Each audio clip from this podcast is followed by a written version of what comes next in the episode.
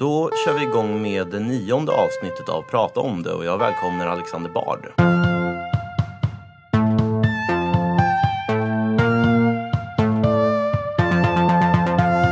Tjena Oskar. Tjena.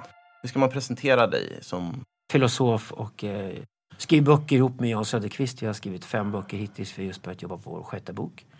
Eh, och numera åker världen runt. Det har varit mycket i USA och Indien det senaste året, vilket är jäkligt kul. Ehm, så att det, det är vad jag jobbar med. Jag jobbar som filosof. Och jag håller framförallt på med relationer mellan människa och teknologi eftersom det är den största frågan av alla. Kallar du dig liberal? Nej, Vad därför att liberalismen bygger på individualismen och jag är motstånd till individualism. Jag bygger inte ens min världsbild på enskilda människor. Jag anser att människan är ett flockdjur, en tribal varelse på gott och ont och det är så människor hittar hem och känner sig hemma i världen. Och när vi ligger och dör en vacker dag så dör vi alltid och, och, och gråter över de nära och kära och hoppas de ska klara av att ta hand om varandra när vi dör. Det var människa. Jag är alltså en tribalist. Jag tror människan fundamentalt en tribal varelse och nu lever denna tribala varelse i en komplicerad, globaliserad värld. Det är de som kan hantera det globala kommer vara vinnarna. Och det är det vi måste lära alla. Men politiskt så brukar individen vara den enhet som har beslutande rätt över sig själv ändå. Jag är hegelian politiskt. Det är Hegel och Nietzsche som mina förebilder. Det betyder att ett system där vi har för höga skatter som Sverige och för stor offentlig sektor och för mycket jävelskap som hittas på byråkrater. Så är det dags att slakta skatterna om minst 20 procent rakt av och skära ner ordentligt på administrationen och hitta någon slags core-verksamhet som staten ska ägna sig åt. För att återupprätta förtroende mellan staten och medborgarna. Till att börja med ska allting bort där staten ska bestämma vad medborgarna gör och tycker. Medborgarmakten måste komma tillbaka. Och då, då kan vi lätt slakta 20 procent i budgeten som vi har idag. Vi kan också skrota landstingen och vi kan ha starka kommuner och en stark stat för att klara det. Du är en antites kan man säga alltså. Nej, jag anser att det är viktigt i Sverige. Jag är inte säker på att jag skulle tycka det i USA. Skulle Buttigieg få chansen på Trump så skulle jag gilla Buttigieg mer än Trump. Ja, det är lite det jag menar. Du, du, du, du Däremot är Sanders lika galen en som extrem Trump så då förbehåller jag mig rätten att avstå från att gilla båda. Men, du, men, du ja. du har gått för långt åt en extrem här men du kanske hade gått... Eh, En hegelian tittar på det aktuella samhället och säger vad behöver det här samhället nu? Och eftersom det är ändå ett val och det valet gäller i max fyra år så väljer man den som det här samhället behöver mest. Och då, då förbehåller jag mig rätten att kunna välja både vänster och höger eller vad det nu kallas i de lägena. Ah, Finns det objektiv moral oberoende av oss människor och våra värderingar? Nej, det finns bara etik eh, och ingen moral alls som håller när du börjar granska den för moral eller vad småpojkar hittar på för att impa på sin mamma. Okej, objektiv Eh, etik. etik eh, det finns en enkel etisk princip, jag är Zoroastrier och Nietzschean. Och den enkla etiska principen att varje morgon kan du faktiskt sätta dig och meditera och fundera på hur kan du vara en konstruktiv person den dagen och ingå konstruktiva relationer med andra människor som på lång sikt leder till det bästa för samhället. Det vill säga du får gärna vara kortsiktigt destruktiv om det behövs och angripa och förstöra saker, riva ner grejer. Eller säga fula ord. Eh, det är den långsiktiga konstruktiva effekten du är intresserad av. Det en bra etisk princip att utgå från. Den heter Dao i taoismen och den heter Asha i zoroastrismen och den finns längs alla sidenvägsreligionerna. Så det, det, är- det är en utmärkt princip som egentligen slår ut allting annat. Du behöver inga budord i övrigt om du har den principen för dig själv. Men den är bra för att den åstadkommer det vi praktiskt vill ha på lång sikt kan man säga. Ja, du följer biologin till exempel. Om du skaffar dig barn så tar du hand om dina ungar. Du skyddar dem och ser till att de växer upp. Gör lite uppror mot dig för att de en dag ska bli fria och lämna dig. Därför att så måste, så måste biologin fungera. Så du kan använda biologin som, som ett bra mått på hur, hur du ska uppfostra dina barn. Du behöver inte leta någon annanstans för att hitta de värderingarna. Nej, jag tänkte mest så, som, som en mer metafysisk, att om, om folk tänker sig att det finns någon slags objektiva riktlinjer för hur vi måste bete oss oberoende av oss människor. Men det här är ju bara en anpassning till vår Varje situation. gång vi har någon som hittat på objektiva riktlinjer från Platon och framåt så går det åt skogen. Så att, i- och det är ungefär som svenska medelklassen som, som har objektiva riktlinjer som betyder att jag ska inte behöva ta i någon som jag inte gillar men däremot ska hålla alla på långt avstånd och låtsas jag gillar dem. Och det är då du bygger cykelbanor överallt i centrum utan att fråga folk i förorten. Och sen sitter du och fikar på cykelbanan hela sommaren medan de i förorten inte har råd att åka in till stan. Det är ungefär det jag tycker är skrämmande med Centerpartiet och Miljöpartiet. Därför vill jag inte vara med i de partierna. Det har ju varit en liten kontrovers eh, nyligen. Eh, för ett tag sedan så, om man ska sammanfatta det lite grann, så hade du en debatt med eh, Gustav Kasselstrand från Alternativ Sverige. Ganska öppet och ömsesidigt respektfullt samtal och jag hörde om nationen och migration bland annat. Ja, det är väl så att eh, Gustav Kasselstrand är en riktig nationalist och jag är en kosmopolitan. Och det kan vara ett ganska intressant samtal att de två rösterna möts. Den lades ut på nätet och blev viral. Sen gjorde jag faktiskt samma sak hösten också med Maria Wetterstrand. Där hon och jag debatterade environment environmentalism och ecotopianism som det heter på engelska. Alltså skillnaden mellan ekotopian som jag är och vara traditionell miljövän eller environmentalist som Maria Wetterstrand är. Det blev ett elektriskt samtal. Tyvärr så var det för en betalande publik ett slutet rum så det lades aldrig ut på nätet. Min tanke var väl annars att just Bard och Kasselstrand kunde vägas upp av Bard och Wetterstrand som två intressanta debatter. Men eh, den debatten jag hade förra våren med Kasselstrand har efteråt blivit viral. Och det är väl för helt enkelt för att de frågorna vi ställer i det samtalet är de relevanta frågorna i vår tid, inte minst för Sverige. Även att två så pass ändå olika personer möts tror jag är spännande för många. Men alla uppskattade inte den här debatten. Du fick ju hård kritik från eh, DNs Peter Wolodarski. Ja, Peter Wolodarski kan ju själv inte debattera med någon överhuvudtaget. Han kan inte ens argumentera för någonting. Så vad han gör är att han sitter på Dagens Nyheter och kör den gamla traditionella drevmobbarens roll. Han ser det som sitt jobb att starta drev och lynchmobbar mot alla han inte gillar och sen få tyst på dem. Och så har ju de gamla tidningarna jobbat egentligen i decennier. Det som händer idag är att när du pekar ut ett drevoffer som då Alexander Bard och så ska du dreva mot honom, få honom sparkad från sitt jobb, han ska bli av med sin plattform, han ska inte höras och synas längre för att han är inte är önskvärd längre. Han använder ett brutalt språk, han använder fel ton, han har fel etikett. Och det har ju de gamla tidningsdirektörerna ganska ostört fått hålla på med i decennier, att de helt enkelt drevar mot den de inte gillar. Problemet är ju bara att de här mobbingoffren idag har ju tillgång till Twitter, Instagram, mm. Facebook och massa sociala medier. Och jag har ju 100 000 följare på Twitter så det är klart det är tillbaka när Peter Wolodarski försöker få mig sparkad från mitt jobb. Jag har rätt. För jag tror alla bedöms utifrån vad de säger idag. Vi lever i ett radikalt jämlikt samhälle idag. Demokratiseringen av samhället idag drivs på av internet. Det drivs på att alla kan starta sitt eget konto. Det kostar ingenting. Alla kan skaffa sig en mikrofon och en liten kamera och börja uttrycka sig själva. Vi behöver inte längre auktoriteten från de stora tidningarna som talar om för oss vad vi ska tycka. Eh, jag tycker bara rätt om mig i det här läget att smälla tillbaka rejält för jag tycker att det är fruktansvärt. Mm. Jag tycker att deplatforming är en väldigt allvarlig obehaglig trend som kommit från England och USA till Sverige. För att det viktiga idag är istället att bygga fler plattformar, öka yttrandefriheten, öka åsiktsfriheten, få fler att tala, inte tysta någon utan faktiskt tvinga fram snarare alla till debatt. Så att mm. alla hålls ansvariga för sina åsikter. Nej men jag håller med helt. Jag, jag vill bara säga att jag är väldigt glad att jag har det här. Jag tror inte vi kommer hålla med varandra om precis allt men jag sympatiserar verkligen inte på något sätt med att utestänga folk från offentliga sammanhang för att de haft en offentlig diskussion med fel person. Nej, det är snarare tvärtom. Det är som Karin Olsson skrev i Expressen när hon fullständigt slaktade Wolodarski några dagar senare. Hon satte sig ner och kollade på Bard, förlåt med Bard Kasselstrand mm. i alla fall. Och, eh, och såg att den handlade om ett seriöst samtal som bjöd in publiken till att bilda sin egen uppfattning, vilket är fundamentalt för hela demokratin. Jag anser inte att några argument överhuvudtaget till varför vissa människor ska tystas håller. Det är diktatur. Mm. Det är fundamentalt för demokratin att man uppmuntrar så många samtal som möjligt. Och vill du inte delta i en viss samtal så kan ju du säga nej till det. Eh, och det här är väl resten av ett gammalt översittarsamhälle där brukspatronen bestämde över alla på bruket. Tidningsredaktören bestämde vad alla skulle tycka och politikern var en väldigt auktoritär figur som bestämde vad väljarna skulle tycka också. Eh, och idag är det ju så att vi inte bara väljer våra politiker utan vi väljer också våra medier på ett sätt som vi aldrig kunde göra tidigare. Förut hade vi kanske bara Dagens Nyheter och Svenska Dagbladet på morgonen och så Aftonbladet och Expressen på kvällarna och numera skiter vi alla fyra och bildar oss egen uppfattning och använder vilka Youtube-kanaler eller Instagram-konton som helst för att bygga en egen uppfattning om livet. Och det är med all rätt så. Jag ser demokratiseringen av medierna som, internets viktigaste och värdefullaste bidrag överhuvudtaget. Du, du, är en person som har en väldigt bred plattform. Eh, många personer kanske skulle skrämts mer. Jag menar, det, det, är ju folk som har blivit cancelled för att de har deltagit i sådana samtal. Ja, ja absolut. Det här, det här, var inte, det här var inte en strid mellan Bard och Wolodarski. Det här var en principfråga och det visade sig också när Ulf Kristersson som är moderatledaren gick ut och stämplade Wolodarski på Nyhetsmorgon TV4 mitt i det här dramat och då var jag bara en bricka i spelet. Men vi får väl se var det landar alltihopa. Men, men så här är att ja, det är ju tack vare att jag har en stark plattform, har mina hundratusen Twitterföljare, har mina regelbundna podcast i Sverige med Aron Flam och utomlands med Andrew Sweeney och andra som jag slår till med storsläggan på en gång mot en sån som Wolodarski eftersom han så uppenbarligen är ute efter att stämpla och dreva mot de som är svaga som man ska, som man ska få bort från arenan hela tiden. Och det märktes ju också under metoo som jag var väldigt kritisk till i Sverige. Jag var inte kritisk till att tjejer sa ifrån att män tafsar på dem.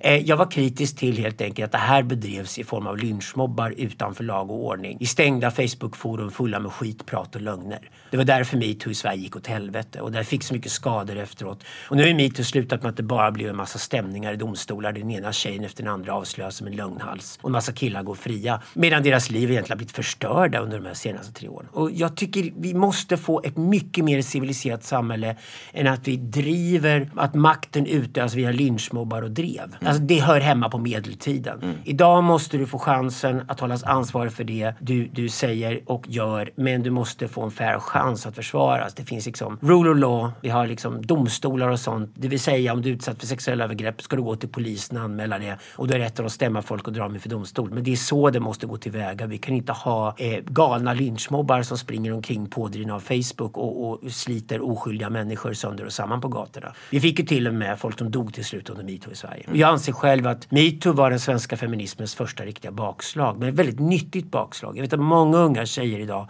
ifrågasätter, okej okay, det här kanske inte var så bra. Nu var det faktiskt så att lagstiftning med kvinnofrid och allting har skyddat kvinnorna från början.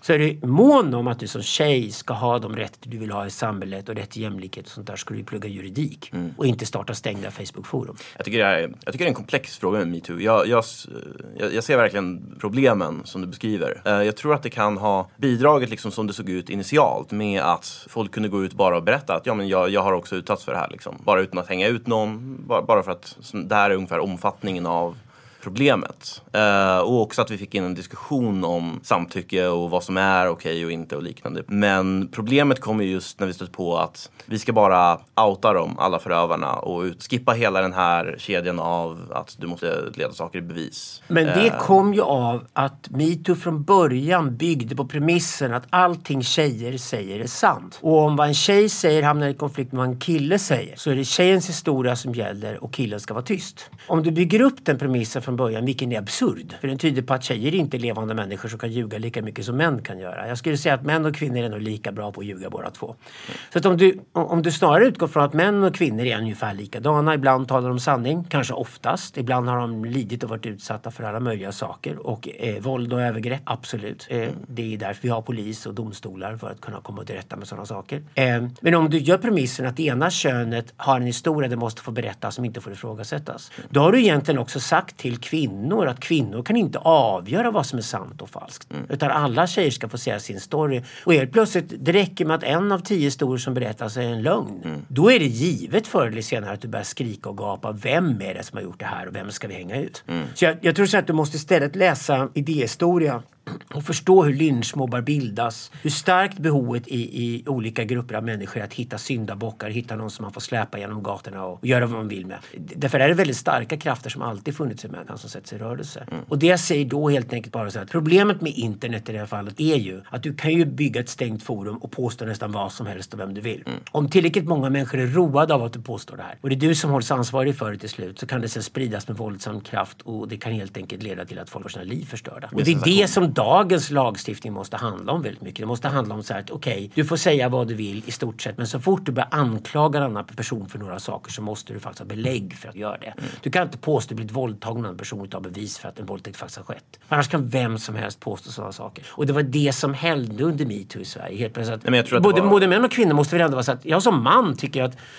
alla män ska hållas ansvariga för vad de säger och om de ljuger i syfte att skada andra människor, män eller kvinnor, så ska de fan hållas juridiskt ansvariga för det. Och det är inte okej att de springer och gör det bakom ryggen på folk heller, för det är förtal. Mm. Men jag, jag, jag, ser verkligen problemet eh, rättssäkerhetsmässigt du beskriver, men jag tror ändå att, att det var ett problem som föranledde metoo som har funnits väldigt länge och det är ju att det är en väldigt svår juridisk situation kring sexuella övergrepp. Alltså ifall du inte lämnar några synliga märken så är det ju nästan alltid ord mot ord mordsituationer. Det är några av de brott som är svårast att klara upp. Och det är ju ett genuint problem för kvinnor som utsätts. Men problemet är ju, du kan inte lösa det genom att slopa principen om oskyldig tills motsatsen bevisat Nej, exakt. Säga att det går inte. Det, det, är sant. det, det vinner inte tjejerna på om någon. De vinner ett dugg på det. Jag skulle säga så här att jag ville ta upp under metoo-debatten och det fick jag ju chansen att göra ungefär ett år efter när alla började lyssna. Det var ju helt enkelt att jag tyckte att metoos problematik var att det var unga tjejer med Instagramkonton som plötsligt ansågs vara de trovärdigaste människorna. Och ingen lyssnade på äldre kvinnor.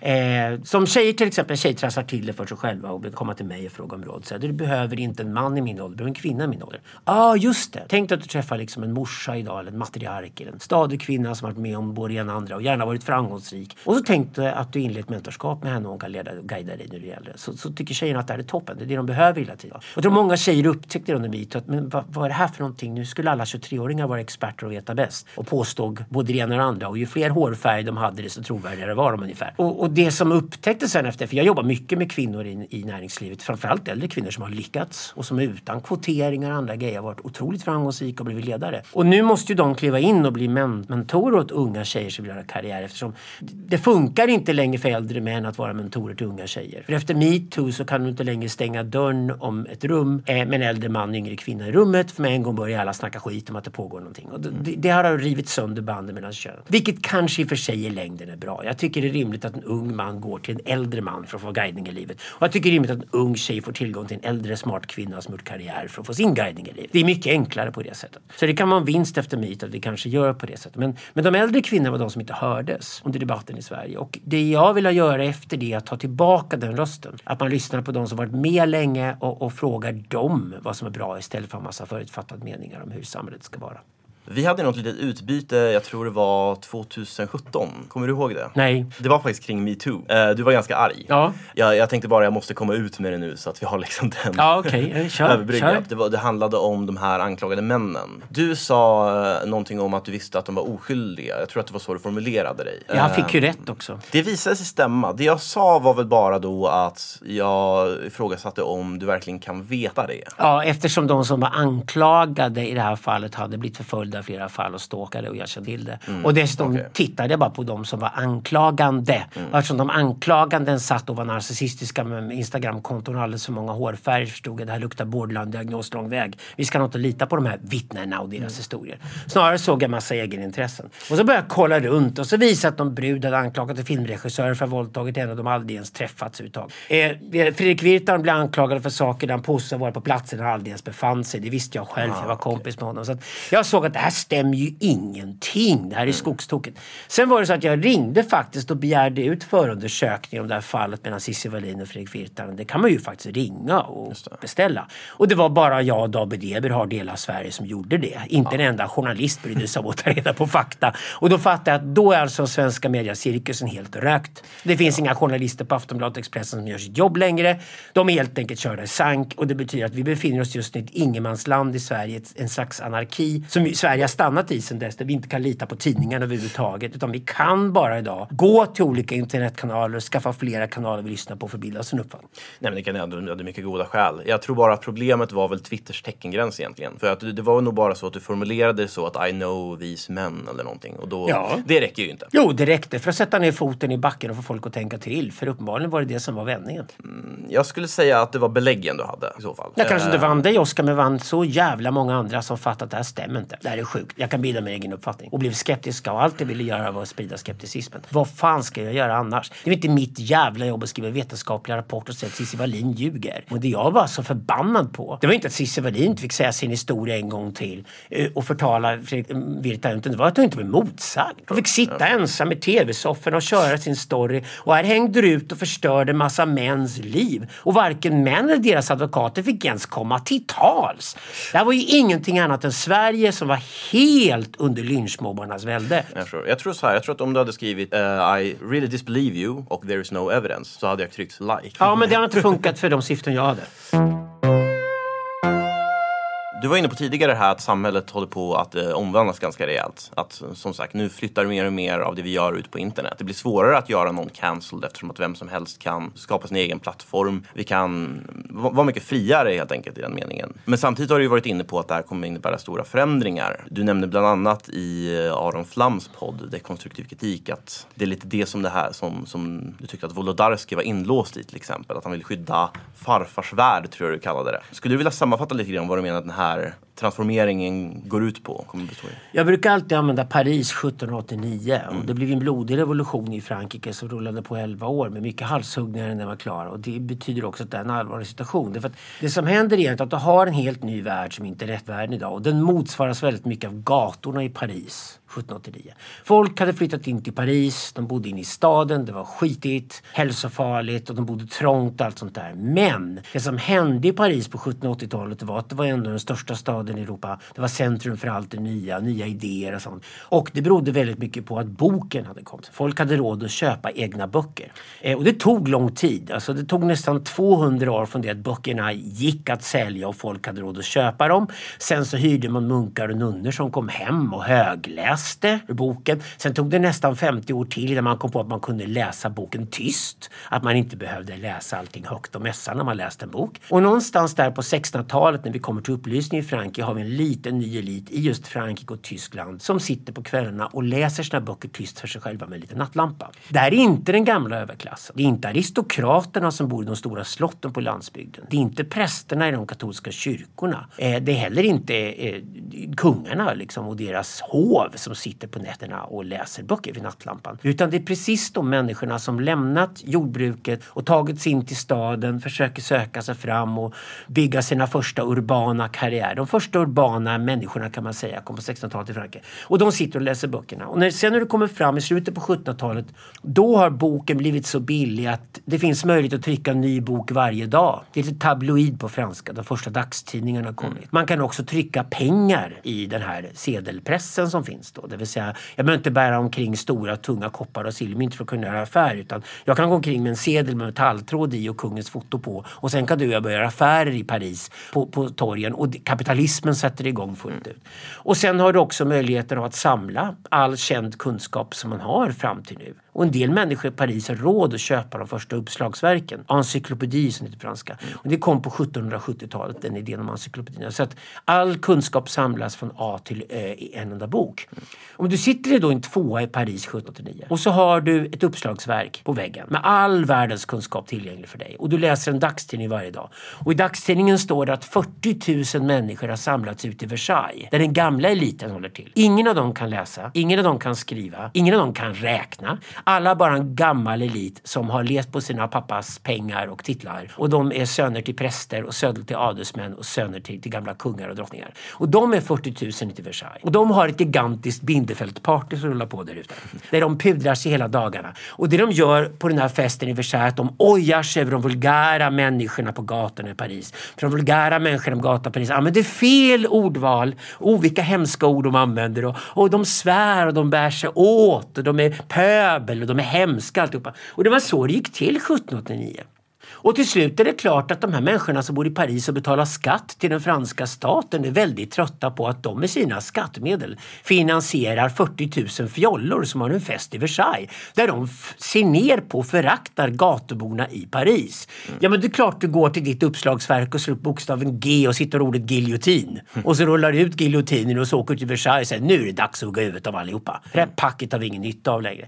Alltså, nu är det inte så att vi konkret har blivit så blodiga i vårt samhälle. Men symboliskt har vi det här kriget idag. Att vi har alltså ett krig mellan en gammal elit som består av gamla tidningsredaktioner, gamla bokförlag, gamla centrala medier som skickar budskap uppifrån och ner genom samhällshierarkin om vad man ska tycka. Vilken är den politiskt rätta åsikten? Det här är den åsikt ni alla måste ha. Och sen har du vanliga människor som sitter och eh, kan söka på sin egen dator på Google och få fram information själva. Ja exakt. Du, du ser att demokratiseringen idag letar sig hela vägen ner till den gamla kanonmaten som brukar säga i gamla armén. Så att alla människor sitter idag och bildar sin egen uppfattning. De går ut på sin laptop och sin smartphone och de bestämmer själva vad de tycker.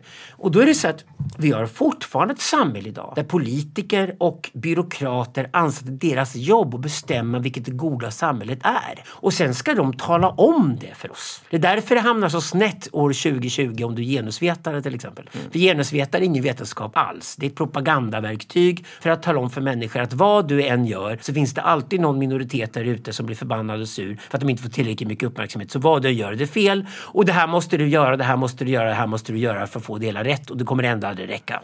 Och de här institutionerna som skapats de äter sig in överallt i samhället och kräver mer och mer resurser. Så krockar de samtidigt mot den radikala demokratisering som internet är. Ja men det är väl klart att folk tycker, vad i helvete sitter jag och betalar skatt för att tidningar med statsstöd och Sveriges Television med statsstöd och Sveriges Radio med statsstöd och akademiska institutioner fulla av alla möjliga sorters vetare med statsstöd som mer är Nordkoreaner än någonting annat. Att de ska tala om för mig vad jag ska tycka och tänka. Det är väl klart att folk blir förbannade förbannade på det här. Mm.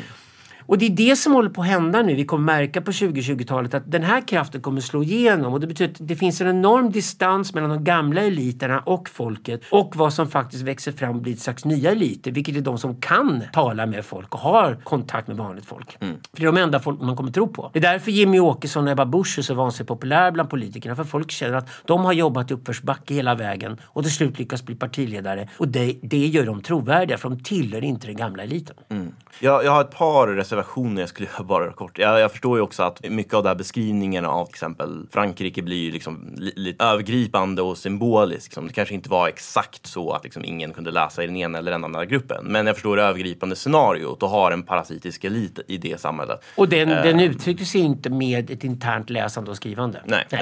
Uh, det var... Då hade den också inte stannat på landsbygden och haft sina stora gods och kyrkor för då hade den flyttat till städer och byggt fabriker. Det säger allting. Mm. Tittar du sen på historien hundra år senare och ser vilka var det som flyttade till städerna, byggde fabrikerna, byggde akademierna, mm. byggde den politiska apparaten och demokratin. Det var ju gatorna i Paris, det var ju de människorna som gjorde det.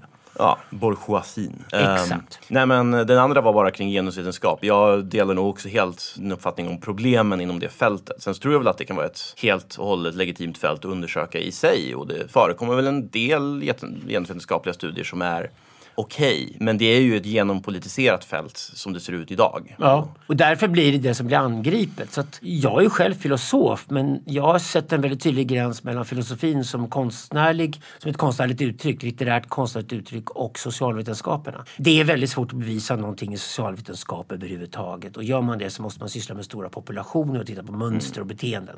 Man kan inte gå in i folks huvuden och bestämma vad de ska få åsikter liksom baserat på någon vetenskap. Det är fullständigt groteskt. Det är då det blir stalinism av alltihopa. Så att jag skulle säga så att behavior, behaviorismen håller på det sättet att du kan idag studera dessutom bättre än någonsin tack vare dataflöden kan du studera människors beteenden. Mm. Eh, och beteenden kan man dra vissa slutsatser om. Men man kan inte utifrån det sen bestämma vad är korrekt åsikt att ha i förhållande till det här. För det hoppar alldeles för långt skulle jag säga. Mm. Ja, alltså, många av teorierna är helt enkelt alldeles för långtgående teoretiska antaganden. Ofta osammanhängande eller ogrundade antaganden och sen väldigt långtgående slutsatser som ofta inte heller följer från premisserna. Och, det här och finns det självmotsägelse i någonting då är det definitivt bara att kasta papperskorgen. Så, eh, ja. Säga till exempel att kön är jätteviktigt och sen samtidigt säga att kön är inte viktigt alls. håller inte ihop. Antingen anser man att kön är viktigt, vilket jag gör. Kön mm. är viktigt för människan. Eh, och då baserar man det vetenskapligt på det och tittar på populationer och så säger man enskilda män och kvinnor kan vara hur avvikande du vill. Men tittar du på populationer, vill säga 100 000 kvinnor, kommer vissa mönster återkomma. Tittar du på 100 000 män kommer vissa mönster återkomma. Tittar du på 100 000 androgyna människor som är mellan könen kommer andra mönster uppkomma. Mm. Det här är rasande intressant. Vi kan dra vissa slutsatser om det. Vi kan skapa vissa miljöer där vi kan premiera de här kvaliteterna som kommer fram ur det. Det är därför jag är för jämlikhet och jag anser att man kan absolut säga att män och kvinnor kan vara olika och ha rätt att vara olika. Mm. Men jämlikhet handlar ju bara om att ha lika möjligheter i alla lägen. Annars vore ju samhället groteskt. Ja, formella möjligheter. Du, du mm. får ju inte exakt samma reella möjligheter förstås ifall du är olika. Ja, jo, det får du visst. Du får visst samma möjligheter. Du kan inte blanda ihop. Du, samma möjlighet betyder att du och jag kan söka samma jobb till exempel oavsett kön, ålder och vad du vill för någonting. Och sen är det ju faktiskt meriterna som avgör vem som ska få jobbet. Mm. Vem är bäst på det här jobbet eller mest lämpad att utföra det? Den är rimligtvis den som ska få jobbet. Eh, och det är helt oberoende av kön och sådana saker. På det sättet har vi meritokrati. Alltså,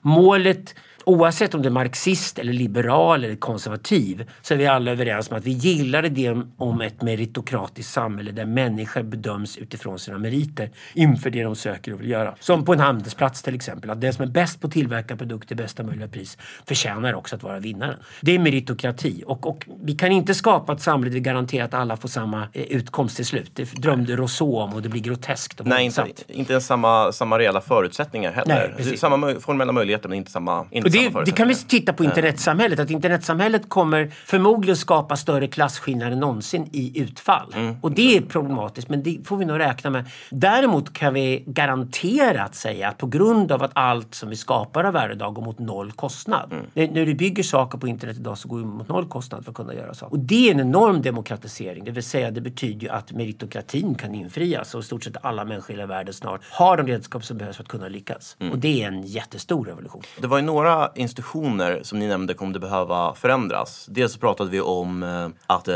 universitetet, media och politiken har dominerats av för mycket politiskt korrekta idéer och att det kommer upphöra. Men också att de institutionerna i sig kommer transformeras en hel del nu när mer och mer Jag tror de kommer dö. Jag tror de kommer dö? ja. Radikalt. Ja, jag ser ingen framtid för universitet och högskolor. Jag mm. tror att de tekniska högskolorna och de medicinska högskolorna som ägnar sig åt väldigt avancerad utbildning för specialister kommer klara sig bäst därför att det är fortfarande det bästa sättet att lära sig grunden om man är medicinare eller teknolog eller liknande. Mm. Men eh, Universiteten och högskolorna har spelat ut sin roll av den enkla anledningen att du kan idag få världens bästa föreläsare på internet. Du kan dessutom sätta upp ditt eget paket när du pluggar och du behöver egentligen bara vara ett fysiskt rum vid ett enda tillfälle i den akademiska världen och det är när du testas. Mm. Och det är en revolution som kommer ske på eh, 2020-talet av den enkla anledningen att det har blivit så vansinnigt dyrt att skaffa sig en högre utbildning. Mervärdet faller. Det kommer nya aktörer som är bättre än de gamla aktörerna. Och då brukar en teknologisk revolution eh, ligga, för, ligga för dörren och det brukar gå väldigt fort dessutom. Så jag skulle tippa att större delen av den verksamhet man ägnar sig åt, åt högskol, på högskolor och universitet idag kommer försvinna. Och du märker redan idag att många av föreläsningssalarna är tomma. Därför folk skiter och går och lyssnar på en medioker föreläsare så går de hem och kollar på någon bättre på Youtube istället. Mm. Nej, men jag håller i stor utsträckning med. Det, det jag funderar på är, det finns ju vissa grundläggande institutioner eh, som de här sakerna från början var avsedda att uppnå. Till exempel när det gäller eh, media så har vi ju liksom att kunna korrekt eh, verifiera information ehm, och göra liksom noggranna granskningar av saker. Men, men det, har ju inte, det har ju inte mediehusen ägnat sig åt någonsin. Det, det är också bullshit. Alltså, tidningshusen ska i första hand, som Michel Foucault säger, de ska ses som propagandainstrument för den elit som finns i ett visst samhälle. Det betyder att du, du får räkna med att i ett visst samhälle finns det en viss dominerande ideologi och den predikas av medierna. Det som händer med internet idag är att det ifrågasätts. Och då är det klart att de gamla stora mediehusen kommer angripa internet och påstå att internet är fullt av ondskefulla lögner och fake news. Och det som jag brukar säga, om du läst om Alexander Bard i Dagens Nyheter de sista 30 åren så har inte ett ord varit sant om överhuvudtaget. Så, och det är det folk vet om idag och märker och tänker att nej men vänta nu, den här nyhetskällan som påstår att det kommer fake news på nätet, den har jag följt i 40 år. Den har aldrig varit sann heller. Mm. Eh, det finns ett sätt att ta reda på om någonting är sant och det lär sig en smart student snabbt. Läs fem olika nyhetskällor. Jämför sedan dem och bilda en egen uppfattning. Och det är därför debatt samtalet kommer tillbaka. Att du vill ha både två, tre olika uppfattningar om världen. Gärna helt olika uppfattningar som sätter sitt samtal på scenen. Där du dessutom kan ställa frågor och kommentera. Och sen går du hem och bildar en egen uppfattning. Mm. Varför det kommer så starkt idag, att det enda sättet att bilda sin uppfattning var så många olika nyhetskällor. Det är ju att sätta dem mot varandra och sen får man ta, bilda sin egen uppfattning. Och då är det så att det kan ju mycket väl vara så att en viss uppfattning som tilltalar dig dras du in av först och acceptera och sen kommer mm. du försvara den uppfattningen. Konfirmationsbias. Liksom. Precis. Ja. Det, det, finns ett bias i, i, i åsiktsbildning. Men problemet är att du kommer snabbt märka att det kommer inte vara lönsamt för dig. Därför att det som händer i stora komplexa system är att fördomarna förr eller senare, man håller dem, man håller dem ansvariga för som sprider fördomarna i systemet. Därför att så fort du börjar ställa många olika uppfattningar mot varandra så kommer du få ett eskalerande fokus på vad är sant i det här. Det vill säga de smartaste jävlarna kommer säga okej, okay, men nu vill inte jag höra någonting som är inställsamt längre. Nu vill inte jag höra någon som kysser mitt arsle och försöker få mig att rösta på honom. Utan nu vill jag veta sanningen även om den är obekväm. Och i samma ögonblick som du går över till det modet och säger nej vänta nu. Jag tar hellre sanningen fast den är tuff för mig att acceptera. Jag tar hellre sanningen fast uppförsbacke. Då får du en ny form av bildad publik som kommer vinna i längden. Det är den publiken som alla respekterar idag. Och det är därför de här samtalen, som till exempel Navid Modiris talkshow har blivit ett stort Youtube-fenomen och han har turnerat runt Sverige för utsålda hus. Och det är ju bara för att Navid kan ju själv sitta på scenen och säga vänta nu, jag, jag ändrar uppfattning här. Mm. Just övertygat nej. Publiken jublar. Fan, vad gör han? Det, det, för att det, det är ju ultimata självkänslan. Det är ju att sitta på scenen och vara så säker så att jag tar med min publik i min egen personliga resa. Jag har varit ignorant här, dåligt påläst eller bara inte fått höra den här historien förut. Jag är villig att ändra uppfattning. Mm. Och publiken jublar när det händer. Och det är de sammanhang idag som vi kommer använda som utgångspunkter för vår uppfattning om vad som är sant. Mm. Och sen kommer vi leda de följa de figurerna. Okej, okay. um, om jag drar tillbaka ett steg lite grann så det vi är ute efter egentligen är ju att vi borde ha ett, ett olika sätt att verifiera att det vi läser om eh, verkligen stämmer. Uh, och konkurrens och olika nyhetskällor är ett bra sätt att göra det. Jag tror att jag, jag, förstår ju vad du menar förstås med, med de, de befintliga eh, nyhetskanalerna ofta inte har varit rättvisande nu. Men det har ju förstås funnits fungerande rapportering om nyheter i världen liksom, som förekommit. Det har ju varit konkurrens på många ställen. Men som jag tolkar dig så menar du att det här kommer att förbättras av att det flyttas ut på internet och att vem som helst kommer sköta det här. Att de, den som bara känner för att göra den här granskningen kommer ja, göra absolut. den. Istället för att ja, jag har vissa ja, ja. stora Nej, det här blir så mycket, som, mycket bättre. Det. det fanns ju inte en chans i helvete inte att du kunde ha en insyn i vad som händer i Kina för 30 år sedan genom att sitta och läsa Dagens Nyheter och Aftonbladet. Mm. Nej, alltså, de här gamla nyhetskanalerna var ju bara en privilegierad elits eh, sätt att sätta en megafon till sin egen ideologi och köra ut den. Vi hade bara en enda statlig tv-kanal i Sverige fram till 1989 och den hette Sveriges Television. Och jag är faktiskt jag är 59 år gammal så jag kommer ihåg hur det var innan Stenbeck kom 89 och innan internet kom. Och det var helt enkelt så att det var en propagandakanal, det var Nordkorea säga. Det som sändes i kanalen var sant och det var Olof Palme som pussade barn tre timmar varje dag. Och tecknade serier var ondskefulla och dåliga för barnen och fick bara visas fyra dagar per år och då var det varningstrianglar i tv-rutan. så såg Sverige ut fram till 1989. Ni får för, för guds skull inte tro Dagens Nyheter eller Sveriges Television och de idag. När de nu kommer och sett förr var allting som stod i tidningen sant och sen kom internet och spelade lögner och bara internet stängs ner så kommer allt vara sant igen för Sveriges Television revolution säger det. Mm. Ja, men det är ju befängt. Ja. Alltså, vi hade Nordkorea till 1989. Och det, det revolutionen som Stenbeck kom med när han satt och retade skit med alla och började sända tv från England, mycket fotboll och porriga brudar och allt det fan skiten. Sen det, det, det, är alltså folket som reagerar mot medelklassens förfining mm. Revolutionen kommer alltid underifrån. Den kommer när folk har fått nya redskap, kan säga från, eh, får det de vill ha. Och de reagerar ofta med dålig smak och pruttar och skriker och svär. Och det är så de ska göra.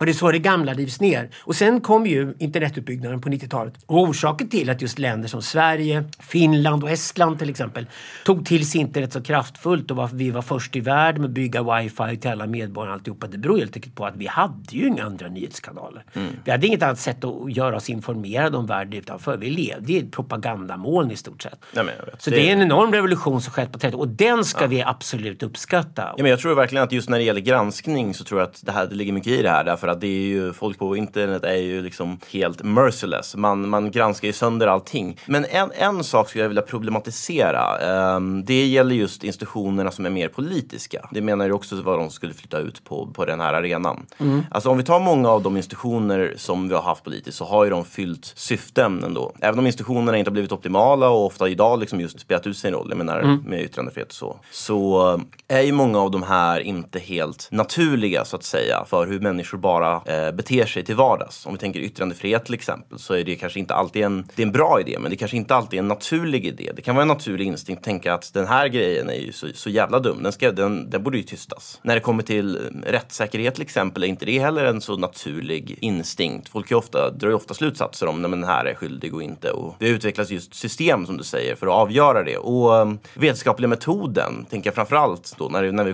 går tillbaka till just det här universiteten. Den är ju verkligen framväxt under eh, århundraden. För att vi människor är inte eh, biologiskt speciellt bra på att tänka statistiskt till exempel. Vi är inte bra på att personligen undvika konfirmationsbias själva och så. Eh, så vi utvecklar de här verktygen för att göra det. Eh, ser du någon risk att vi behöver så att säga, hitta nya system för att de här sakerna ska finnas även på den nya arenan. Ja, men tänk då, eh, riv, riv, ner det gamla helt, så att det inte finns överhuvudtaget. Så att mm. bränner ner de gamla biblioteken, vi har inga universitet att ta hänsyn till och så vidare. Så du ska inte sitta här som en riddare och försvara någonting, det behöver du inte göra. Om du tänker dig det då, då skulle jag säga så här, det är när 23-åringarna kommer till mig och så vill de ha mentorskap och guiding och då säger jag så här, riktigt stort självförtroende har en 23-åring när de kommer till mig och säger mm. till mig, vad hade du när du var 23 som jag saknar? Mm. Det är en intressant fråga och då säger jag ofta så här, Ja, du har haft tillgång till internet sedan du var liten och du har haft tillgång till Wikipedia gratis i din ficka sedan du var då fem år gammal. Det är en fantastisk revolution. Men jag hade läst tio gånger så många böcker när jag var 23 mm. jämfört med dig. Jag bara bläddrat genom grejerna, surfat genom grejerna. Och då säger de en gång, fan vad coolt, var får man gräva ner sig någonting idag?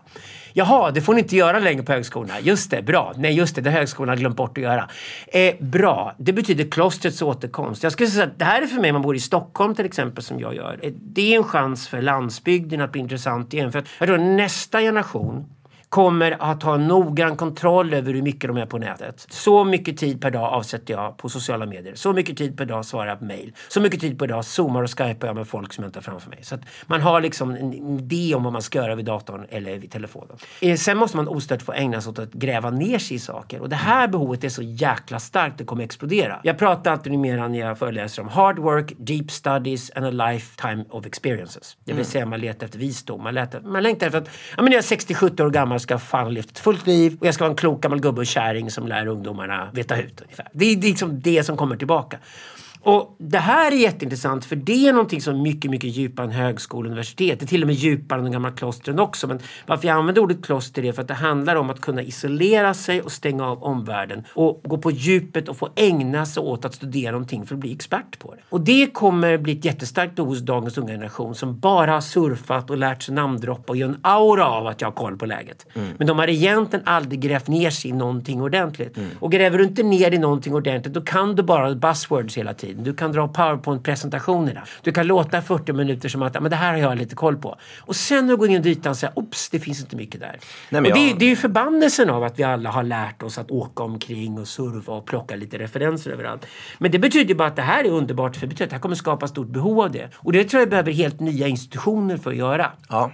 Jag tror inte dagens högskolor är gjorda för det alls. Och för att kunna grävas ner i grejerna så dessutom så du och jag kan ju mycket väl köpa en sån tjänst eller flytta in ett kollektiv i Katrineholm med lägre hyra än vi har i Stockholm. Och så kan vi Airbnb lägenheten i Stockholm och så får vi in pengarna. Och så kan vi sitta i Katrineholm i sex månader och säga nu sätter vi oss sex månader och studerar det här. Mm. För att vi älskar den här grejen. Det kommer vi se mycket, mycket mer av. Deep studies kommer komma jättestarkt tror jag. Jag har också anat den trenden mer och mer. Att folk, folk retirerar ju ofta från sociala medier på olika sätt till exempel. Ja. Och man vill inte ha den här hela tiden konstanta... Ja, trolling och scrolling över. Det var mm. 2010-talet när vi alla var ute på Facebook, experimenterade och tyckte väldigt mycket och likade allt mm. sånt där. Och sen var det bara så här, det kom en äcklig känsla att det här ger mig ingenting till slut. Fan, det är ju ingen som lyssnar på varandra här. Jaha, det, aha, det är som ungar som tränar sig i positionering. Det, det verkar så här politiskt ungdomsläger. Mm. Vi debatterar kattskatt. Man lär sig bara att debattera. Men man kommer ingenstans med det. Och vad det helt plötsligt gör att du börjar läsa papers, börjar läsa böcker, du börjar gräva ner i saker mycket djupare och du skaffar dig polare som gör det också. Och det där är ju dialektik. Det, det är tra traditionella starka trender i samhället som, som kommer fram med djupa mänskliga behov.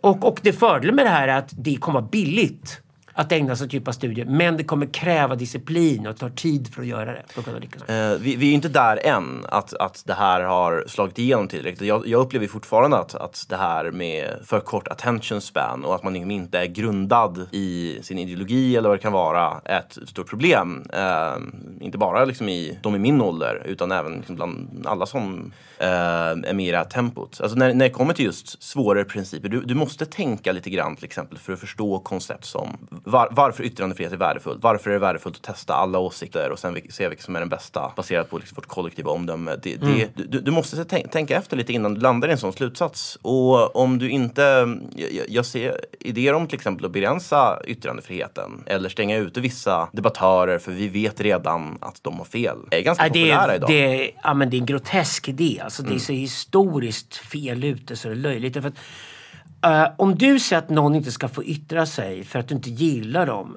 då har du redan satt dig domare över det. Då har du bestämt att din uppfattning på grund av att du är den du är, är högre än andras. Mm. Eh, då har du skapat en hierarki där du sätter dig själv över någon. Därför att varje gång du säger att någon inte ska få yttra sig så har du bestämt att du står över den personen utan att du klarat av att ta debatten. Mm. Vad tror du att en tredje person tycker om det?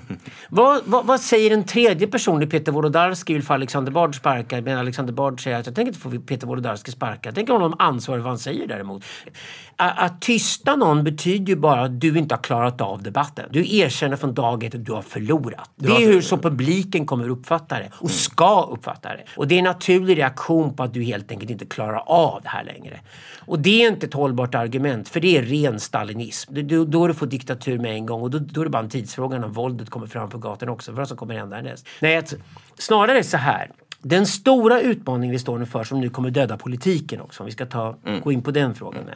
Det är någonting som vi kallar sensokrati som kommer slå igenom. Det vill säga, eh, vi människor har ju sinnen som vi läser av omvärlden med. Vi kommunicerar via våra sinnen. Man bygger dagens maskinintelligens med sensorer. Det vill säga vi har kameror, mikrofoner och andra instrument överallt i världen som läser av världen. Vi kommer lägga ner sensorer i världshaven. Vi kommer ha sensorer uppe i atmosfären. För att kunna klara klimatkrisen måste vi få mycket mer data. Vi kan inte hålla på och gissa länge, vi måste veta. Ja. Eh, vi måste ha sensorer överallt som kollar var atomvapen sprids. För förmodligen kommer spridning av atomvapen vara ett ännu större hot mot mänskligheten än klimatkrisen. Eh, och det kommer vi märka de närmaste tio åren. Jag tror både iranier, turkar och saudier bygger bomber för fullt just nu. Vi har också märkt ganska nyligen att virus sprids väldigt fort. Mm. Bakterier. Eh, sådana pandemier kan dessutom skapas i laboratorier idag. Och om du sätter biologiska vapen vapen på drönare vilken, nästan vilken islamistsekt som helst kommer kunna göra snart. Får du ett jävla helvete på den här planeten. Jag blir konstant det... fascinerad över att inte terrorister har lyckats bättre än vad de har Nej, exakt. exakt. Som tur var är terroristerna klumpiga. De är väldigt dedikerade till att mörda folk men de är väldigt klumpiga. Som tur är. Men, men vi kommer att ha mycket större problem med det här. Det här kommer piska på opinionen över hela världen att skapa en sensokrati. Det vill säga om vi har koll på allting som händer i hela världen så kan vi leva i fred och vi slipper existentiella konflikter. Slags panoptikon. Ja, mm. problemet är, måste det vara ett panoptikon? Det vill säga, Kinas svar på det här är att de går över till 5G och ska gå på 6G på en gång med wifi i Kina. Och de sätter en liten gubbe som heter Xi Jinping längst upp som en egyptisk farao. Och så säger de att han är både gud och ledare för folket och vet alltid bäst. Och sen ska alla underordna sig honom. Mm. Och sen skapar man ett panoptikon från Beijing där Xi Jinping ska sitta och titta på alla människor och kontrollera oss och kontrollera vad vi gör. Det vill säga diktatur. Det är vad kineserna erkänner att de jobbar sig mot. Och, och de, de, erkänner, de säger också att det här är den enda möjligheten. En konfuciansk diktatur mm. som sen ska sprida sig för stora delar som världen som möjligt. Och vi vet redan vad kineserna gör med de som inte är kineser. Det är bara att titta på en miljon uigurer som sitter i koncentrationsläger i Östturkestan idag. Så vet vi vilket helvete som väntar. Ja. Så mot det här måste vi nu bygga en filosofi som säger att ja, men det går att skapa en plural sensokrati. Hur fan gör vi det? Hur fan installerar vi kameror och mikrofoner överallt och får data om vad alla människor gör och vet vad som pågår i världen så vi kan låsa in bomberna, så vi kan låsa in virusen, så vi kan låsa in bakterierna och så att vi kan rädda klimatet. Hur gör vi det? Det här är de stora frågorna i vår tid. Vi pratar om ekotopianism, alltså att vi ska bygga fusionskraftverk, bygga billig el, då klarar vi klimatkrisen. Vi pratar om kosmopolitanism, det vill säga vi vet alla att vi har skitsvårt att gilla folk som inte är som vi själva vi har jättesvårt att gilla folk som inte ser ut som vi själva. Hur i helvete lurar vi folk tack vare blockkedjor och lär oss av handelsvägarnas historia att människor som kommunicerar med främlingar är mycket framgångsrikare än de som slår ihjäl främlingar. Det här är kosmopolitanismen, ekotopianismen. De, de här ideologierna kommer vi nu behöva diskutera på allvar och lyfta fram som ersättning från gamla politiska ideologierna som inte håller längre. Men den stora viktiga frågan som är kvar, om man nu är en vän av demokrati och tror att det öppna och fria samhället är överlägset det stängda samhället och diktaturen, vilket jag tror.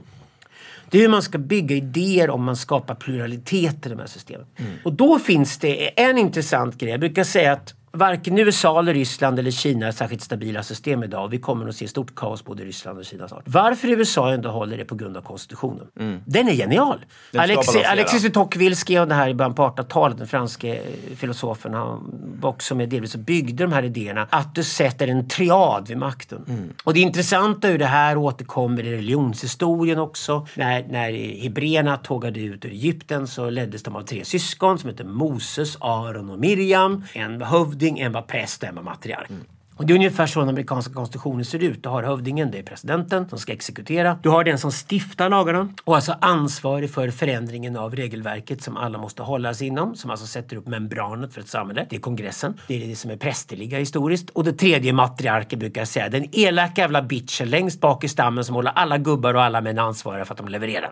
Eh, och det är högsta domstolen ja. i det här fallet. Och det är ju Miriam som en vrålstark figur i den judiska traditionen. Alltså stora systern till Moses och Aron. Mm. Och de här figurerna återkommer när vi människor ska tänka oss makt. Det vill säga vi fick stabila strukturer till exempel. Vi hade det under feodalismen. Då var det adeln som ägde resurserna, den reella makten. Det var den symboliska makten som var prästerna och kyrkan. Och den imaginära makten som var kungen eller monarken. Det ersatte vi sen när vi slängde ut det i Europa på 1600-talet. Ni fick läs, skriv och räknekunnighet. Vi urbaniserades, vi flyttades till städerna. Vi byggde de nya nationalstaterna. Och i nationalstaterna byggde vi ett nytt prästerskap. Det är akademierna, det är professorerna. Vi byggde en ny reell makt som satt på resurserna. Det var borgerskapet, industrialismen kapitalisterna som ägde aktierna fabrikerna och var entreprenörer och drev företag och skapade mervärde och jobb. Och den tredje funktionen var politikerna som är den imaginära makten. Och demokratin. Och sen har vi fullbordat det här systemet i Europas sista 200 åren. Och det har vi gjort strålande. Ja. Det, är inte, det är inget tal om annat. Men sen kommer internet i slutet på 1980-talet och rör till det här och effektiviserar själva underlagen för det. Mm. Och nu måste vi ersätta de funktionerna med någonting annat. Så att ja. sensokratin behöver, vem är det som kan någonting i systemet och hur premieras det? Mm. Hur premierar vi kunskap i systemet? Vem sitter på resurser? I det här fallet är det datainsamlingen som vi i Europa inte ens är med om att göra. Mm. Vi har 11 stora datamoln i världen och inget av dem ligger i Europa. De flesta ligger ligger USA och Kina. Eh, och den tredje makten som, sen, de, de, som, måste, som måste sin tur in till det här, förutom den symboliska och den imaginära makten, den reella makten som byggs under det. Så vi, har, vi har fortfarande inte skapat oss en tydlig bild av en slags sensokrati. En, en slags, någon samlar in data, någon process, processar och får värde ur data och kan guida oss genom datavärlden och den tredje funktionen är sen den som skriver historien om detta. Det, det, det, det är det vi jobbar med filosofiskt idag. Att försöka mm. definiera en sån här triad. Och det märker så fort man säger triad, det är tre stycken som står mot varann. Ja. Det vill säga om en blir stöddig kommer de andra två gå ihop. Så när monarken är stöddig då går adeln och prästerna ihop mot monarken med en gång. Och det är samma sak här. När politikern blir stöddig så går marknaden och akademierna ihop. Det här kanske kommer bli det första, om det är som du säger, eh, praktiska experimentet av, av verklig spontan ordning i världsomspännande skala. Det låter ju som en typ av, av spontan ordning ifall det här ska ta form. Ja, uh, jävligt bra fråga. För jag tror det är så här att det är inne på att prata om podcasten som vi jobbar på till nya boken, jag och Söderqvist. Det är mm. att då är det en sak som är tydlig och det är algoritmen som är helt avgörande. Den är det enda falliska i vår tid. Alltså det enda som ger ordning i kaos. Mm. Och då är det en sak vi skulle kunna förenas om och det är att hålla algoritmen ren. Ah. Eh, och algoritmen angrips idag från två håll. Den angrips dels från en cynisk marknad som håller på att förlora slaget om marknadsföring, för marknadsföringen är död. Algoritmen dödar marknadsföring. Mm. Marknadsföring kallar vi spam. det vill säga varje företag som annonserar på nätet är desperata. Därför är de bäst i världen på att göra det de gör. De är etta på Google när vi söker på en gång. Och står det adding till något och det är varningslampa. Så att vi vet redan då att kapitalismen grävs, undergrävs av det här. Och kapitalisterna kommer alltid försöka manipulera algoritmen och säga men om jag betalar kommer jag förbi. Kallas sökoptimering. Det är ren ondska. Okay? Sökoptimering är inget att någon som försöker fuska sig fram i systemet. Mm. Och det är vi människor faktiskt. Vi är födda att vi slår till med full kraft mot den som ljuger och försöker fuska. Men vi har den andra änden och det kallar kommunismen när den kommer in i det här systemet. Och det är ju försöken att politiskt styra algoritmen. Att nu är det inte önskvärt att Alexander Bard syns och hörs för han använder så fula ord och pratar med fel killar och sådana saker. Så nu ska han tas bort ur algoritmen. Nu ska han tystas, tas bort. Och alla sådana trender med deplatforming idag och tystande av debattmotståndarna. Att du ska inte få prata. Det handlar ju bara om att städa bort folk i algoritmen så att de inte syns. Mm. Lägg märke till hur nära det här ligger Hitler och Stalin. Okay? Så det betyder att det totalitära idag är antingen kommunistiskt och då kommer det in att man vill manipulera algoritmen. Eller också kapitalistiskt och då kommer det in att man vill korrumpera algoritmen. Så lägg märke till att vi offrar både kapitalismen och kommunismen. För då någonting... tänker vi oss eh, kapitalismen som pro-business pro snarare än pro-market då? Ja, Företag det vill säga, som styr innehållet. Iskall business som vill sitt eget bästa och ja. skiter i allting annat. Ja. Okej, men om vi tänker oss det som är dess renaste form, vilket kapitalistiska ideologer alltid har gjort också. Det är Friedman och alla överens om vad man kan göra. Det vill säga samhällsnyttan som företagen ska ska vi upp med väldigt mycket för det är väldigt cyniskt när de, när de försöker leka det. I, till syvende och sist är det inte företagens jobb att vara samhällsnyttiga. Det, det, det, de tjänar pengar åt sina ägare. Men det intressanta är att det här systemet har vi jobbat med i 30 år. Det heter attentionalism. Mm. Och det betyder att vi alla bestämmer när vi tittar på en skärm idag hur länge vi vill stanna någonstans, mm. hur vi värderar det, om vi ger ett bra betyg eller om vi har ett dåligt betyg, om vi rekommenderar till våra vänner, om vi kommer tillbaka igen. Mm. Det är det algoritmen mäter. Algoritmen mäter brutalt människors beteenden. Och människors beteende är den bästa domare vi haft genom hela historien. Och då kommer ju frågan in, hur i helvete helvete ska kineserna kunna bygga en ren algoritm utan att hålla sig borta från att Xi Jinping försöker styra den? Det kommer inte kineserna kunna. Kineserna kommer i sin kommunism gå in och försöka manipulera algoritmer allt de kan och de har redan börjat med det. Och det ser vi direkt idag. Ingen av oss använder kinesiska sökmotorer. Nej. Mm. Där är för mig hoppet idag. Hoppet idag är om, om den rena algoritmen, om den falska algoritmen. Att, att det, prästerskap idag skulle ställas och försvara algoritmen och säga algoritmen ska hållas ren. Den ska bara innehålla data från människorna och användarna själva och det är människorna och användarna själva som betygsätter sin egen upplevelse av allt de gör. Och det ska inte gå att med pengar eller med politik styra algoritmen. Mm. Nej, men det, det, det, här tycker jag knyter lite grann till den distinktion jag, ville, jag var inne på mellan pro-market och pro-business. Det här låter ju som marknadsekonomi i dess renaste form. Det mm. är mm. vår efterfrågan på vårt innehåll som ska styra. Varken då manipulation eller då att du har ett fåtal företag som bestämmer då att jag genom marknadsföring eller vad det kan vara. Eh, men ta bort ordet marknad här, för det är inte en marknad. Grejen är så här, när du sitter vid datorn håller inte du på och handlar. Det är en andlig upplevelse. Så vi måste använda den här metaforen för att om vi håller på och försöker rädda gamla ordval tror jag vi fastar. Jag har inget problem med att offra kapitalismen om det är så att vi redan flyttat över till attentionalismen. Mm. Jag ser kapitalismen som ett briljant system som var det smarta systemet vi kunde ha fram till viss punkt i historien. Karl Marx håller med mig till och med. Jag tycker till och med att Karl Marx hade bråttom med sin marxism för den kan till och med bli intressant senare i historien. Men i dagsläget ska jag säga att vi har med data visat att vi lämnade kapitalismen och flyttade över till attentionalismen 2012. Efter 2012, vår tid mycket viktigare för oss än våra pengar. Och vi vill inte lägga tid på onödiga saker. Vi vill lägga mm. tid på kvalitet och vi vill lära oss när vi är online och vill bli roade.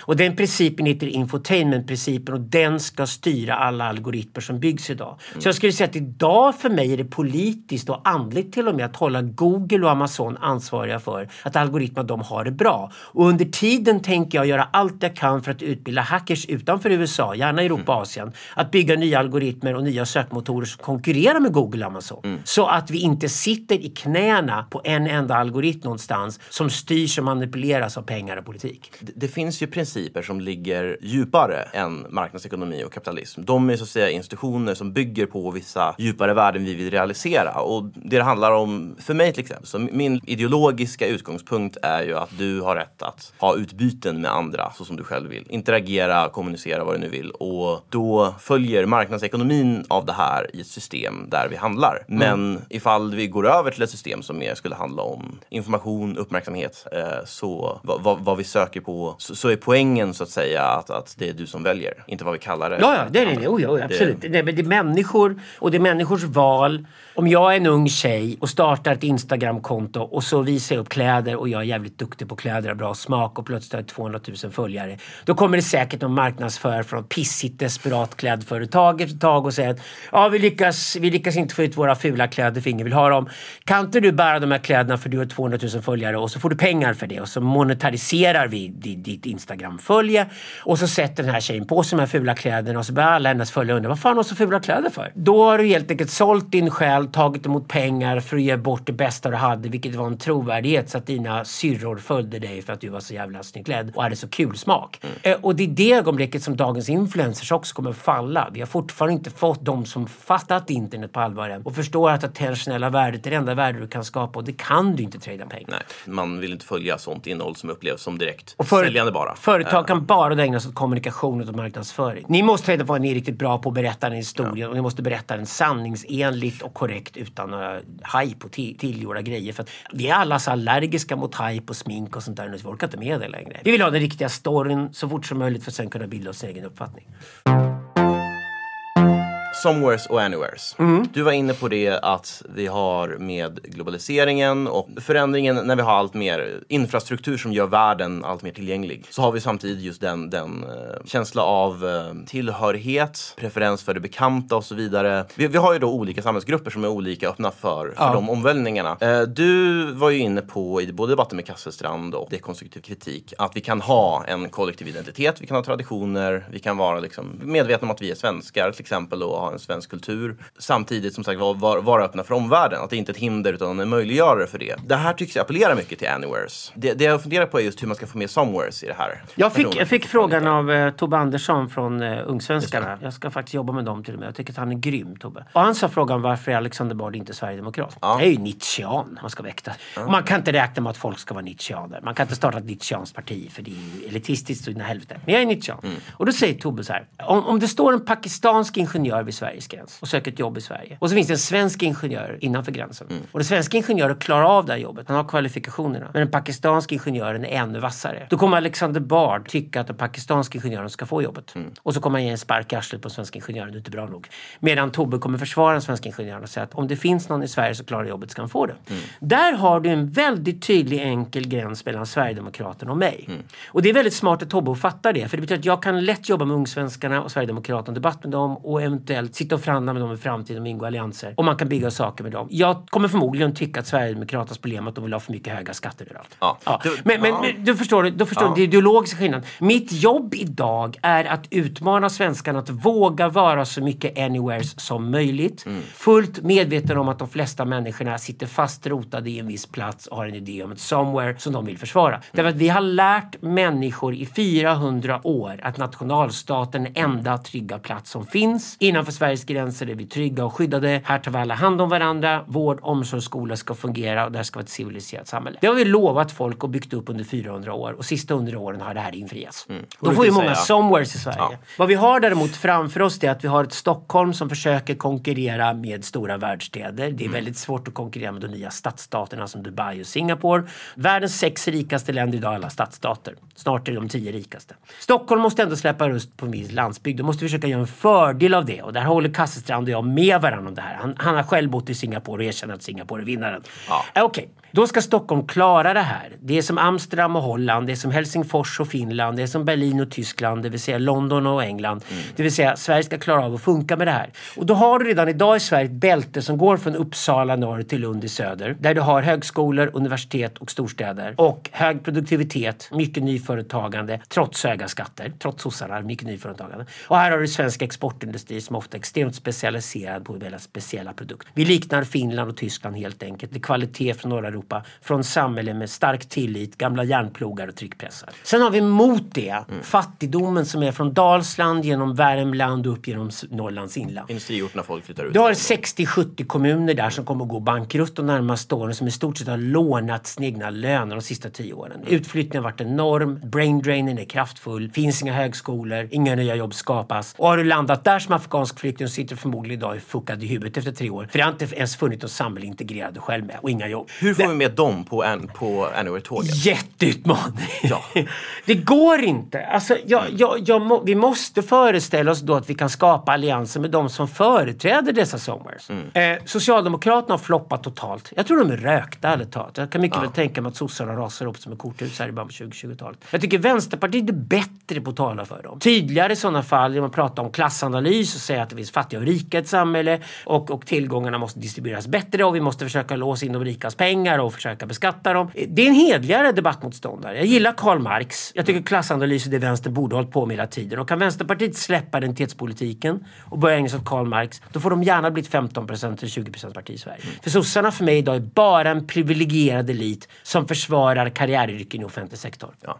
Men jag tror att det byggs en ny allians som säger att vi måste slåss för anywheres i Sverige så att det inte bara blir stockholmare och göteborgare utan att vi har en storstadssektor med snabbtåg emellan och bra kommunikationer, stark infrastruktur, bra högskolor så att det skapas de här arbetstillfällena i Linköping, Uppsala och Lund som behövs för att svensk ekonomi ska fungera. Och då kan vi bli en sån här, ett land med en hög procent anywheres i befolkningen.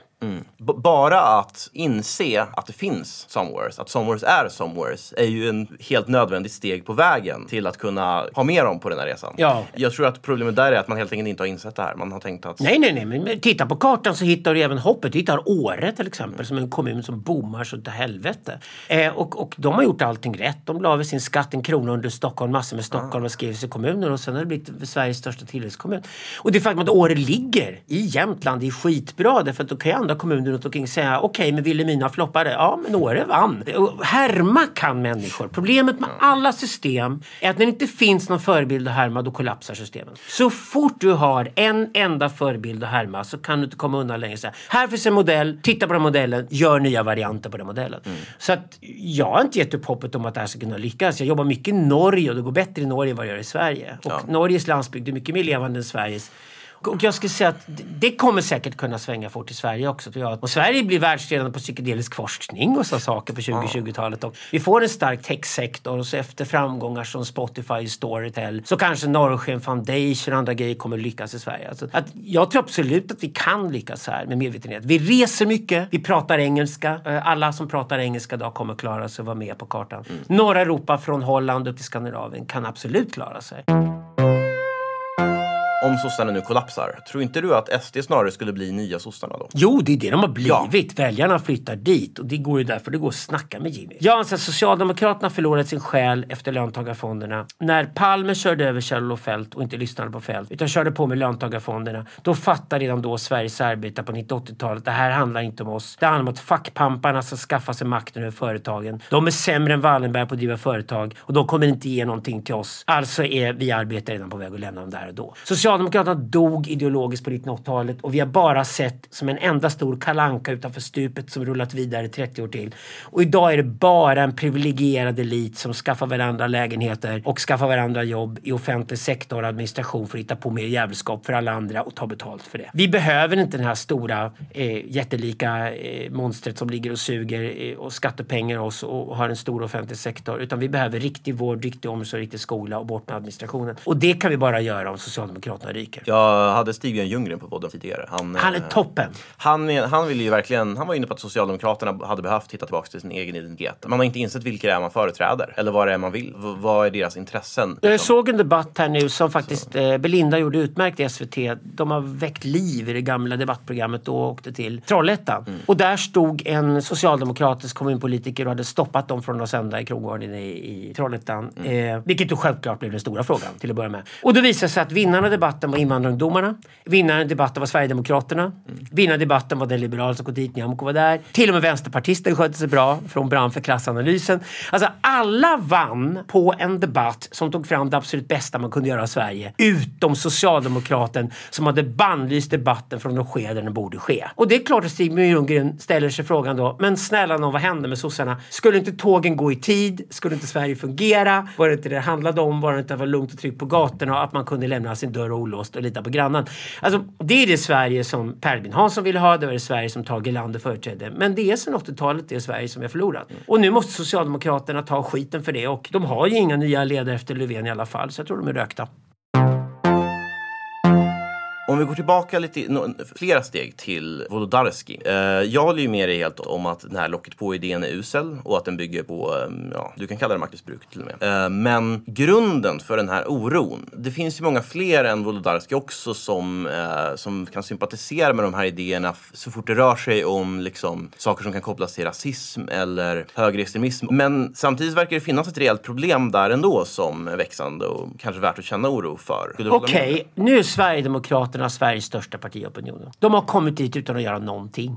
De har kommit dit genom att de har haft beröringsskräck i den svenska borgerliga medelklassen. Och sen har den svenska borgerliga medelklassen stoltserat över att jag har inte med dem att göra för jag är för fin för det. Till slut har arbetarklassen i Sverige sagt fuck you. Nu är Jimmy Åkesson uppe i snart 30 procent. Kan äntligen den svenska arroganta medelklassen fatta det här spelet? Ni kommer förlora igen. Kasselstrands grabbar kommer ta över gatorna innan 2020-talet är klart och de kommer inte vara snälla mot er och de kommer jävlas utav helvete om ni inte börjar fatta att det går inte att köra beröringsskräckstaktik. Ni måste lära er saker, ni måste ta debatten, ni måste gå upp och ta den, annars kommer folk inte respektera er. Punkt slut!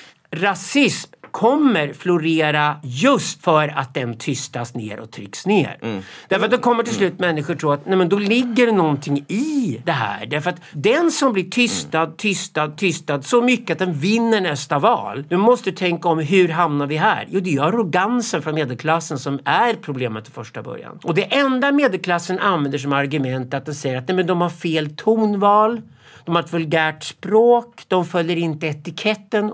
Vill de inte bli tagna på allvar? Jag kan säga så här, när motståndarsidan pratar tonval och etikett så har de ingenting att komma med. Den värsta rasismen i Sverige, den har vi i Bromma, den har vi inte i förorterna. Den har vi i Bromma. Och det är, den visar sig i att bara för att jag ser annorlunda ut än du eller har en annan bakgrund än du så skulle jag vara automatiskt diskvalificerad från att bli tagen på allvar. Och det är bara en sak, det finns bara ett botemedel mot det och att flyga mer och inte flyga mindre som svenskarna håller på med nu. Flygskam måste bort. Är det någonting att offra så att du måste resa mer. Därför att så fort du är ute och reser i världen, träffar andra kulturer, måste klara dig själv, gärna bli rånad på en gata i Etiopien och alltihopa. Då lär du dig andra kulturer fungerar, du lär dig hur människorna ser ut, du lär dig uppskatta vad som är bra när du kommer hem. Du börjar också se igenom vad svenskarna hycklar om och som inte funkar i Sverige. Och du får en nyanserad bild av dig själv och ditt folk och nyanserad bild av andra människor. Det är det enda sättet att bli tolerant på. Men jag måste bara säga, jag, jag är helt ointresserad av att liksom göra ett case för beröringsskräcken. Mm. Alltså, och det, det, det jag är intresserad av är just, eh, om man talar om den nationella rörelsen, så finns det ju väldigt lite respekt för många av de här principerna vi har pratat om där. Och Det den rörelsen folk- kommer bara växa om den tystas ner. Jag håller med. Det vill säga, Ja. nu har vi fått, Sverigedemokraterna är Sveriges största parti i opinionssiffrorna. Vad ska vi ha sen då? Ska vi ha någonting till höger om dem som kommer som nästa kraft? Eller ska vi liksom ha eh, ett svensk, svenskar som har självförtroende nog att vara mer libertarianer och öppna mot omvärlden? Vilket tänker Sverige också- ska vi ha? För det, det kommer avgöras helt av samtalet nu som förs under 2020-talet. Och sen är jag för att debattera med så många och så öppet som möjligt för att det finns inget annat man kan göra. Nej. Jag litar helt enkelt på att vi kommer till den punkten när riktiga rasister sitter ganska ensam till slut och framstår som en galning men har fått tala punkt och säga vad den har att säga. Och det är det bästa sättet att möta rasismen. Det finns ingen genväg till det tror jag överhuvudtaget. Det finns inte något annat sätt att möta homofobi eller någonting annat heller. Nej, nej, jag tror helt samma. Och Det sen finns- finns det också alltid i alla debatter saker att lära sig, eh, både nyanser och förstärka argument. Alltså, Ofta när man går in i en diskussion så kommer man därifrån mer övertygad än när man startar den. Och det kan vara en vinst. Man har testat sina argument och upptäcker shit, hade de så här lite att komma med? Det fanns ju ingenting bakom det här. Bra, då vet jag att jag är rätt ute. Då fortsätter jag argumentera för det. Det är så här att ju fler tryckkokare vi skapar i ett samhälle desto värre smäller det när det smäller och desto närmare kommer vi diktaturen. Eh, och det enda sättet vi kan göra det i tid det är att uppmuntra det öppna samtalet. Ja, men Ja. jag skulle vilja säga stort tack för att du var med. Det Ja, var- det var skitkul att vara här. Yes. Tack, ska du ha. Ha det bra.